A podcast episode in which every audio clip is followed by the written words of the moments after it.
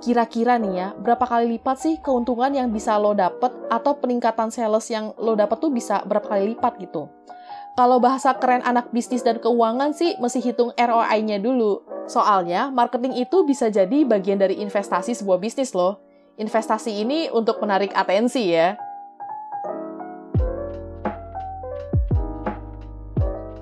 Hey ho semua, welcome back to Ngomongin Bisnis bareng gue Ray. Buat lo yang baru denger podcast ini, podcast ini tuh ngebahas apa pun tentang bisnis, marketing, branding, dan advertising khususnya di dunia digital.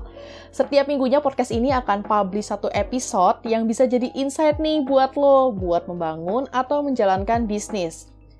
Episode ini adalah episode keempat dari series digital marketing khususnya yang berkaitan dengan billboard nih. Kemarin kan gue udah bahas ya dua contoh brand yang pakai cara ini, cara digital marketing pakai billboard gitu maksudnya, dan berhasil buat jadi buah bibir banyak orang. Tapi kayaknya bukan buah bibir deh, tapi buah jempol. Soalnya kan jadi rame di media sosial tuh. Yes, kemarin gue udah bahas Erigo dan MS Glow for Men yang iklannya nampang di billboard Times Square, New York.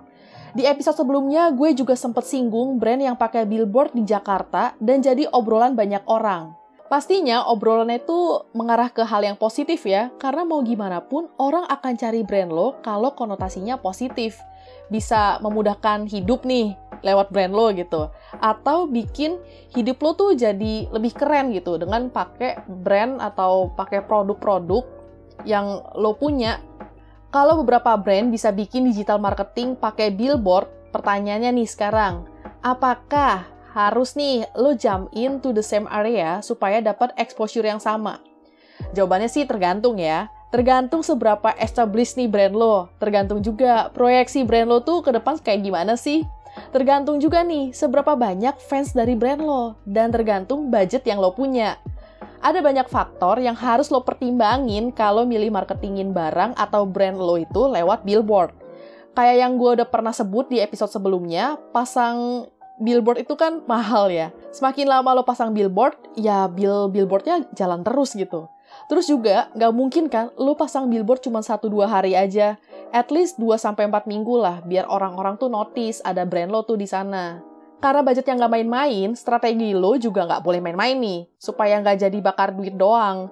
Kalau lo berani keluarin budget marketing sekian juta atau sekian ratus juta rupiah gitu, lo harus punya proyeksi kira-kira nih ya, berapa kali lipat sih keuntungan yang bisa lo dapet atau peningkatan sales yang lo dapet tuh bisa berapa kali lipat gitu. Kalau bahasa keren anak bisnis dan keuangan sih mesti hitung ROI-nya dulu. Soalnya, marketing itu bisa jadi bagian dari investasi sebuah bisnis loh. Investasi ini untuk menarik atensi ya.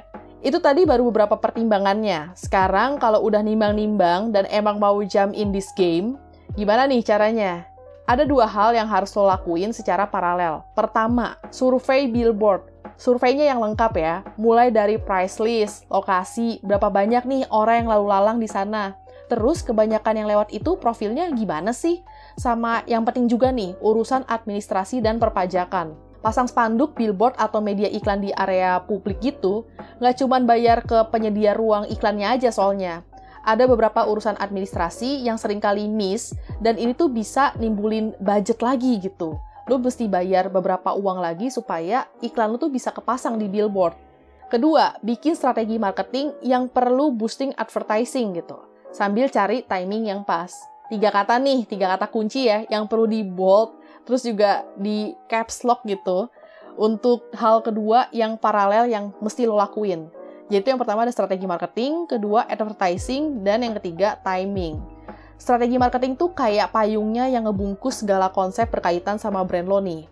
Advertising itu corong informasinya, supaya orang-orang tahu nih konsep yang udah lo bikin. Di advertising bisa jadi nih pakai billboard. Terakhir, timing. Lo juga harus tahu timing yang pas supaya bisa dapat banyak perhatian dari banyak orang. Let's say ya, dua brand yang udah tembus ke Times Square New York gitu kalau brand lain ikutan pasang iklan ke sana, lama-lama kan jenuh juga ya, berasa nggak ada yang spesial gitu. Kalau campaign yang lo buat strategi marketingnya muncul dengan tiba-tiba dan bikin gebrakan, fix deh bakal diobrolin sama orang-orang. Ini mirip juga sama strategi marketing yang tiba-tiba kayak pas Burger King, promosin McD, dan ngidupin sisi humanities gitu. Terus malah diikutin sama brand-brand lain. Atau pas brand array deh, gak sengaja bikin marketing untuk review produknya sampai puas setelah kejadian respon eager ke konsumennya, yang bikin banyak orang tuh kecewa. Gak lama, brand lain ikutan juga tuh. Atau yang terakhir, yang baru aja, yang ya nggak beda-beda jauh lah ya sama sekarang gue ngobrol gitu. Itu pas Gracia dan juga Apriani dikasih banyak endorsement dan gratisan dari berbagai macam brand, eh yang lain ikutan juga ikutan hype itu memang seru sih, tapi kadang ya kalau misalnya kita terlalu ikutan hype strategi marketing dari brand lain, itu malah jadi kayak nebar garam di laut. Ya, think strategically ya. Balik lagi nih soal billboard.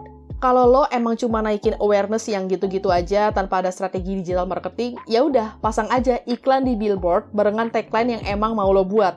Atau kalau mirroring dengan campaign di digital media juga bisa nih. Tapi kalau journey-nya dari billboard terus menggerakkan masa ke digital marketing, lo mesti bikin campaign yang seru, nampol, dan relate sama orang-orang. Lo bisa perhatiin nih, orang sekarang tuh lagi ngobrolin apa sih? Atau menurut mereka, hal yang prestis tuh kayak gimana sih? Lo pakai data itu untuk mengemas campaign marketing yang mau lo deliver ke mereka. Lo bikin semacam bom keramaian lah di billboard gitu. Setelah di billboard, lo bisa minta bantuan KOL atau nano influencer untuk ramein campaign di billboard ini. Hopefully ini bisa jadi booster gitu sih dan berlanjut kayak snowball effect gitu. Sampai akhirnya orang-orang beneran ngobrolin billboard lo. Setelah billboard, lo siapin nih amunisi lanjutan yang masih jadi bagian dari marketing strategi lo ya. Bisa jadi kayak Erigo, mereka nampang di billboard sebagai rangkaian untuk masuk Fashion Week dan dalam tanda kutip ya, gue internasional gitu. Atau juga bisa dari billboard, udah ramean dulu, terus keluarin deh campaign di digitalnya sebagai kelanjutan dari yang ada di billboard.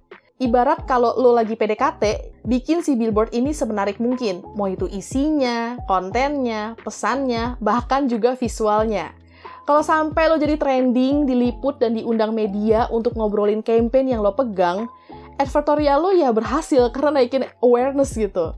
Kalau KPI campaign ini adalah sales secara angka, tinggal lihat aja nih angka penjualannya naik atau enggak. Profil konsumennya seperti apa juga nih sekarang.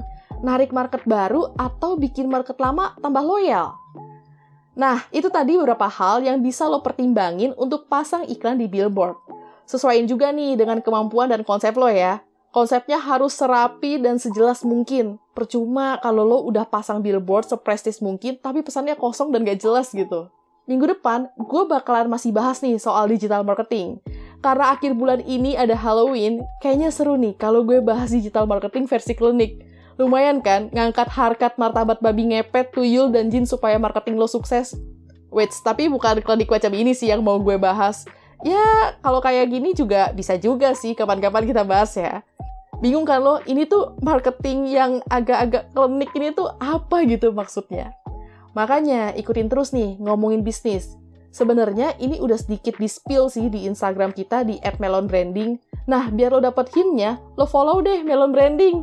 Soalnya nggak cuma di podcast ini aja, bakalan dibahas tuh soal bisnis, marketing, advertising gitu. Tapi di Instagram juga.